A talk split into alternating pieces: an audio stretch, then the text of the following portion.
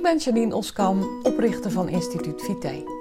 In mijn bedrijf help ik mensen om de vitaalste versie van zichzelf te worden en ik maak Vitale Praat, de podcast om jou inzichten te geven waarmee je eenvoudig en praktisch aan de slag kunt, zodat ook jij winst boekt op alle fronten.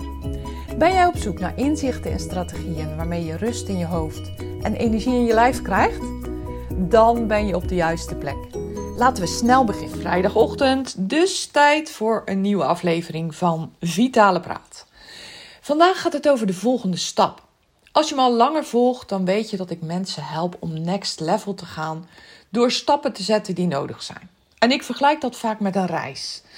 Het gaat stap voor stap en de volgorde van die stappen is trouwens heel belangrijk, maar dat is iets voor een andere podcast. Stappen zetten gaat gepaard met loslaten. En dat is een woord wat ik vooral wazig en misschien zelfs wel zweverig vond. Maar ik ga je vertellen wat het is en waarom het meestal broodnodig is om stappen te kunnen zetten die jou naar een volgend niveau tillen. Ik ga je een voorbeeld geven van een cliënt die ultiem heeft moeten loslaten. En ik zeg het voor de zekerheid weer even bij. Ik verander de namen, ik verander de tijd, ik verander de context. Maar het gaat om uh, de inhoud van het verhaal. Ik neem je mee naar 11 februari 2020. Het is net 10 uur geweest en Kevin zet een kop geurende koffie voor me neer. Het ruikt heerlijk. We hebben afgesproken bij hem op kantoor Kevin is eigenaar van een assurantiekantoor en hij werkt hier met vijf medewerkers. En ik wil in dit geval heel graag voelen hoe het bij hem is op kantoor. En dat kan niet beter dan gewoon echt op die plaats te zijn. We zitten in zijn spreekkamer. Een keurige ruimte met strakke wanden en een poster van een brug aan de muur. Hoor in de ruimte naast ons een telefoon overgaan en er wordt opgenomen. Ik hoor niet letterlijk wat er wordt gezegd, maar ik denk wel, mwah, dat kan vriendelijker. Kevin gaat tegenover me zitten en hij kijkt me van achter zijn ronde brillenglazen met een vermoeide blik aan. Kevin is het Vitaal Manager traject bij mij gestart en vandaag hebben we het eerste gesprek. Hij heeft me hulp gevraagd omdat het allemaal niet zo lekker loopt.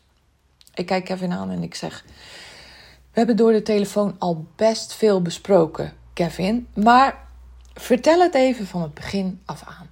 Wat maakt dat het niet lekker loopt? Kevin zucht en hij begint te praten. Weet je, zegt hij, ik ga heel eerlijk met je zijn en ik weet gewoon niet zo goed waar ik moet beginnen. Begin maar gewoon, zeg ik. Nou, in 2005 ben ik zelfstandig geworden. Ik werkte toen vanuit huis en ik ging bij mijn klanten langs. Ik moest hard werken maar het was een mooie tijd. En eigenlijk in een korte tijd groeide mijn portefeuille en kon ik het op den duur niet meer alleen. Nou, mevrouw ging me helpen en deed de administratie, maar dat was al snel ook niet meer genoeg. En we hebben toen echt wel met elkaar om de tafel gezeten, maar zij wilde niet in de verzekeringen. Dus ja, er moest iets anders gebeuren. Ik ben op zoek gegaan naar een kantoor en ik vond een mooie ruimte bij ons in de wijk. Gewoon echt een paar straten verder. Dus super handig. Ik heb toen ook mijn eerste medewerker aangenomen, Bart.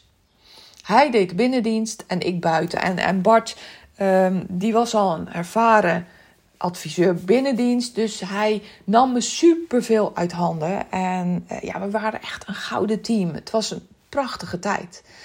Maar twee jaar later was het weer zo druk dat ik besloot om nog iemand aan te nemen. Dit keer een hypotheekadviseur. Want ik deed zelf nog hypotheken en verzekeringen. Maar ja, goed, die hypotheken die lagen me eigenlijk niet zo. Mijn hart ligt veel meer bij de schadeverzekeringen. Dus een hypotheekadviseur kwam erbij. En dat was een gouden zet, want het liep als een trein.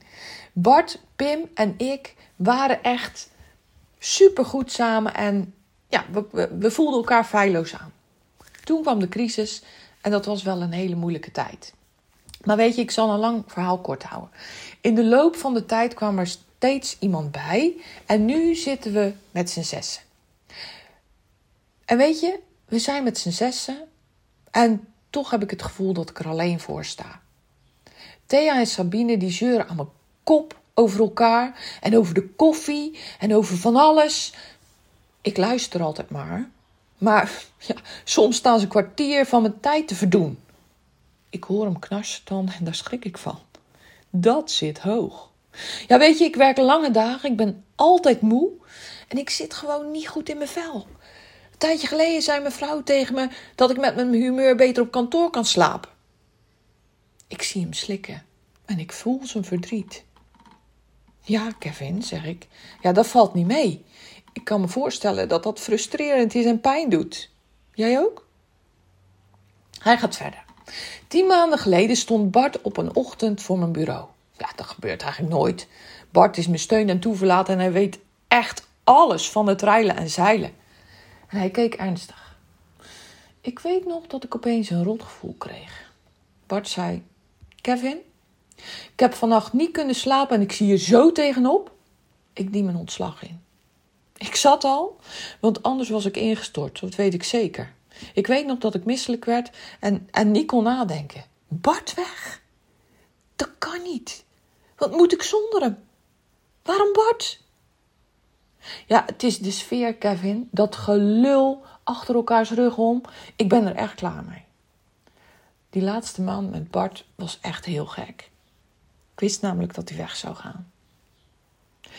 Ik ging natuurlijk op zoek naar een vervanger. Ik heb echt wel tien mensen gesproken, maar niemand kon tippen aan Bart.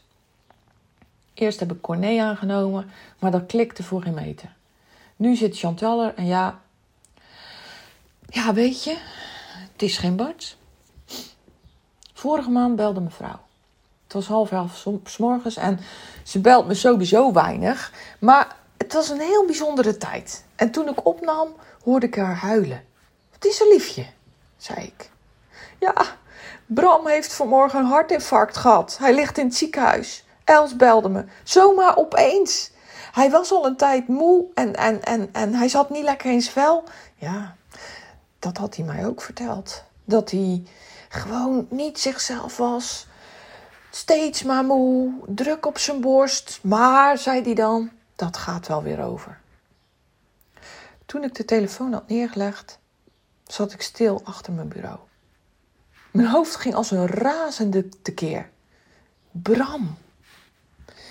Ik heb toen echt een potje zitten danken, janken. Echt.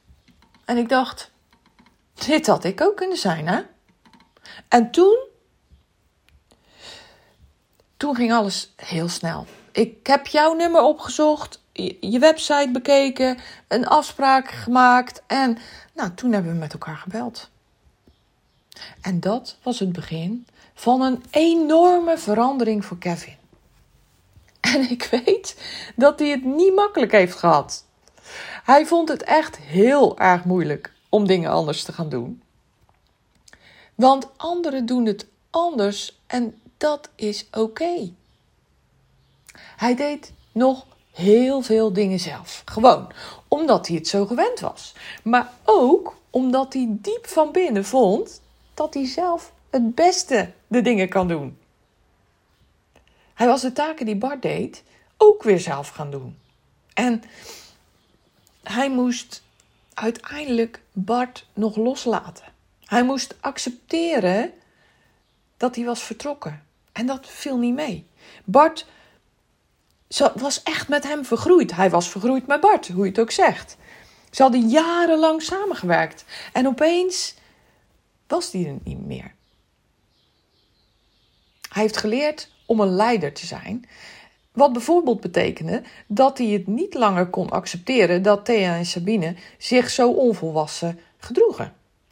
Hij moest hun echt gaan vertellen van ja, weet je, um, ik ben hier niet van gediend. Dat gelul over elkaar. En dat voelde voor hem heel erg als onaardig zijn. En Kevin is een type mens die heel zakelijk kan zijn, maar onaardig zijn tegen zijn, zijn medewerkers vond hij heel erg moeilijk. Hij was ook eigenlijk geen manager, maar hij was veel meer een vakman. Hij is keigoed in zijn vak en dat is natuurlijk prachtig. Maar omdat hij toch met vijf mensen in dienst zijn kantoor draaiend moet houden, moet hij ook wel een leider zijn. En dat vond hij heel erg moeilijk. En nu? Kevin kent zichzelf niet meer terug. Hij voelt zich energiek en fit. Hij heeft bijvoorbeeld zijn oude liefde mountainbiken weer opgepakt. En de sfeer op kantoor is zoveel beter. Hij heeft veel meer vrije tijd. En zijn gezin, gezin zijn, zijn vrouw, zijn kinderen zien hem weer graag thuiskomen. En hij heeft zelfs een wekelijkse date night met zijn vrouw. Weet je, je hebt verschillende soorten loslaten. We kennen allemaal wel het loslaten op een onverwachte manier. Als je iets verliest, dat kunnen spullen zijn, of mensen, of je baan. En dat gaat gepaard met een rouwproces. Ja, kijk, weet je, niet als je iets uh, verliest wat, wat totaal geen waarde voor je heeft. Hè, dan uh, koop je een nieuwe en je er klaar mee. Maar iedereen kent wel het verlies van een dierbare. Misschien ook wel het verlies van een baan. Dat, dat is een proces. Je bent er gehecht aan en het kost moeite om te aanvaarden dat het er niet meer is. Dat gaat gepaard met verdriet, met, met boosheid, met angst. Ook heel vaak. Want, ja, goed. Kijk maar naar Kevin. Het loslaten van Bart is een rouwproces. En dat klinkt misschien bijzonder, maar dat is wat het is. Het kwam voor Kevin totaal onverwacht. Hij vertelde me ook later van ja, weet je, ik was zo bezig met mezelf. Ik was zo bezig met alle ballen in de lucht houden dat ik gewoon ook niet in de gaten heb gehad dat Bart het niet meer naar zijn zin had. Bart is een stille jongen en die doet gewoon wat hij moet doen. Die doet het zonder te klagen, die doet het zonder te zeuren.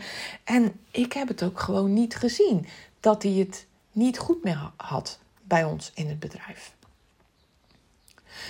Je hebt ook dingen die je bewust moet loslaten. Want soms wil je iets heel graag loslaten. Dat, eh, bijvoorbeeld je chocoladeverslaving of je koffieverslaving of ja, vul zelf maar in. En dat is vaak enorm lastig. Zelfs als je het graag wil, hè? Want ook hier ben je aan gehecht, hoe dan ook. En het kan ook zo zijn dat het soms eerst helder moet worden dat iets je niet dient. En dan kom je erachter dat je het los wil laten. Bij Kevin was dat bijvoorbeeld zo. Uh, dat, dat geroddel aan zijn bureau. Die dames die uh, kwamen naar hem toe in zijn eigen kantoortje en stonden dan aan zijn bureau hun gal te spuwen. En Kevin wist niet heel goed hoe, hoe die daarmee om moest gaan, maar hij, hij wilde er wel heel erg graag vanaf. En eerst moest hij eigenlijk accepteren dat hij daar ook dolgraag vanaf wilde. En dat het nu eenmaal zo was op dit moment. En pas als je accepteert dat je er vanaf wil, dan kan je er verder iets mee. Maar dan is het nog niet gezegd dat je zelf weet hoe je dat moet doen. De hoe komt dan later. En in dit geval heb ik hem daar natuurlijk een handje mee geholpen. Hoe dan ook is loslaten, bewust loslaten van iets, ook lastig. En ook in mijn podcast van vorige week, anders moet je die ook, als je hem nog niet hebt gehoord, maar eens beluisteren. Soms moet je veranderen om jezelf te blijven. Dat, ehm, dat gaat eigenlijk over de dingen die je van jezelf niet ziet. De dingen die je tegenhouden. Je blinde vlek. Daar heb ik het in mijn podcast van vorige week over. En dat, dat sluit eigenlijk, deze podcast sluit daar ook op aan. Hè? Want als je je blinde vlekken helder hebt, dan kan je de volgende stap zetten en het gaan loslaten. Het, wat daarmee verbonden is met die blinde vlek. Dus om los te kunnen laten, moet je eerst accepteren dat het er is. En dan kan je besluiten om het los te laten. In, in mijn voorbeeld met Kevin was dat dus zo met Bart. Eerst zal je moeten accepteren dat hij er niet meer is. En wat Kevin ook heel erg deed, hè? De, de, de opvolger van Bart, Corné, ja, die kon hij ook totaal niet accepteren. Want hij vergeleek Corné met Bart. En Corné is geen Bart. En hij zegt ook over Chantal, hè, in, uh, in, in, in het eerste gesprek wat ik met hem had. Ja, Chantal, hij zegt ook letterlijk: Chantal is niet Bart. En Chantal heeft weer hele andere kwaliteiten. Maar um, als je nog niet hebt geaccepteerd dat Bart er niet meer is en hem ook hebt losgelaten, hem um, eigenlijk van binnen hebt laten gaan, dan zal die plaats niet ingevuld kunnen worden door iemand anders. Omdat je dan steeds eigenlijk uh, blijft vergelijken met Bart in dit geval. Nou, dat, dat was bij Kevin heel duidelijk het geval. Want eigenlijk zat hij met een scheef oog nu naar Chantal te kijken en haar steeds te vergelijken met Bart. En dat werkt natuurlijk niet. Want ja, dan kan nooit zo'n vervanger van iemand tippen aan je oude liefde, om het maar zo te zeggen. Dat was natuurlijk niet letterlijk zo, maar ik hoop dat je begrijpt wat ik daarmee bedoel. Hij moest ook loslaten om aardig gevonden te worden. En weet je, en dat heb ik ook tegen hem gezegd, want Kevin is een super aardige man. Ik zeg, joh, je kan ook op een vriendelijke manier heel goed dingen duidelijk maken. Want als jij tegen die dames zegt, dames luister eens, ik wil niet meer dat je hier staat te roddelen over je collega. Heb je moeite met haar? Ga naar haar toe en uh, bespreek het. Ik zeg in een andere manier, die ook heel erg goed werkt, is de eerstvolgende keer dat ze aan jouw bureau staan en over de ander staan te roddelen, dan zeg je nou, kom. Dan sta je op en dan zeg je, kom. Ik ga even, uh, nou in dit geval de ander erbij roepen. En dan gaan we dat eens even met z'n drieën bespreken, wat jou nou precies dwars zit. Ik zeg wedden dat het dan binnen de kortste keren over is. Want ofwel is de lucht geklaard, hè, weten ze van elkaar wat ze denken.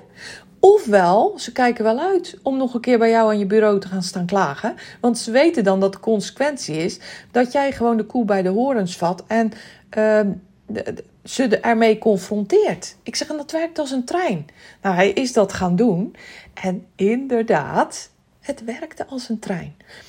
Wat ik ook vaak gebruik bij dit soort dingen is de cirkel van invloed. Als jij, misschien herken je het wel, een, een, een mopperende, mopperende persoon in je leven die het altijd over het weer heeft. Oh, het is slecht weer. Of, uh, oh, uh, nou ja, goed, die voorbeelden gebruik ik zo vaak.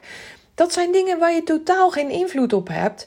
En waar je dus ook geen, beter geen energie aan kan besteden. Want dat heeft toch geen nut. Dus ik zeg ook tegen Kevin, als ze weer aan je bureau staan te klagen over de koffie, uh, bijvoorbeeld. En uh, ik, ik weet niet eens wat er dan met de koffie mis was hoor. Maar vraag dan: oké, kan je er wat aan veranderen? En als het antwoord ja is, nou, doe het dan. Tenminste, als het niet is, uh, ik wil uh, een bepaald soort koffie waar jij helemaal niet achter staat of zo. En als je het niet kan veranderen, hou erover op. Geen gezeur over dingen waar je geen invloed op hebt. En de dingen waar je wel invloed op hebt, pak die beet, kom in actie en verander het. Nou, hij is dat op die manier gaan bekijken. Er zijn natuurlijk allerlei um, handige, praktische manieren om dat te gaan doen. Nou, ik heb er nu net een paar uitgelegd. Dan verandert je wereld ongelooflijk snel en hard. En dat, dat is dus ook letterlijk gebeurd bij Kevin met de sfeer op kantoor. Doordat hij echt gewoon mensen is gaan confronteren, doordat hij in actie is gekomen, doordat hij heeft losgelaten om aardig gevonden te worden, is er, is er een wereld van verschil. Nou, daardoor.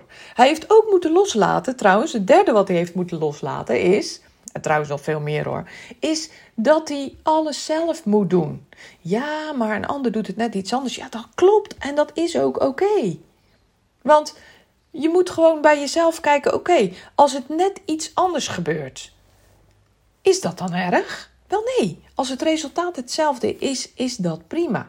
En gebeurt het niet naar je zin, ja, dan zou je dus weer dat los moeten laten om altijd aardig gevonden te worden. Want dan ben je misschien wel een zeikert of een zeurpiet.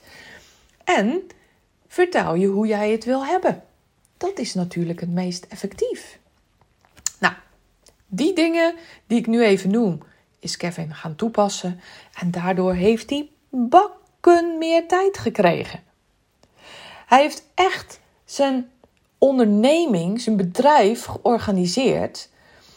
In zijn privéleven is er veel meer ruimte gekomen, natuurlijk ook in zijn werk, maar daardoor ook in zijn privéleven. Waardoor hij er voor zijn gezin weer is. Hij liep natuurlijk zichzelf voorbij en het resultaat is dan dat je thuis waar je comfortabel bent. Waar, waar de mensen zitten die jij het meest kent en, en die je ook het meest lief zijn. Maar waar je dan ook de schaduwkant van jezelf het meest laat zien. Ja, die verdienen beter.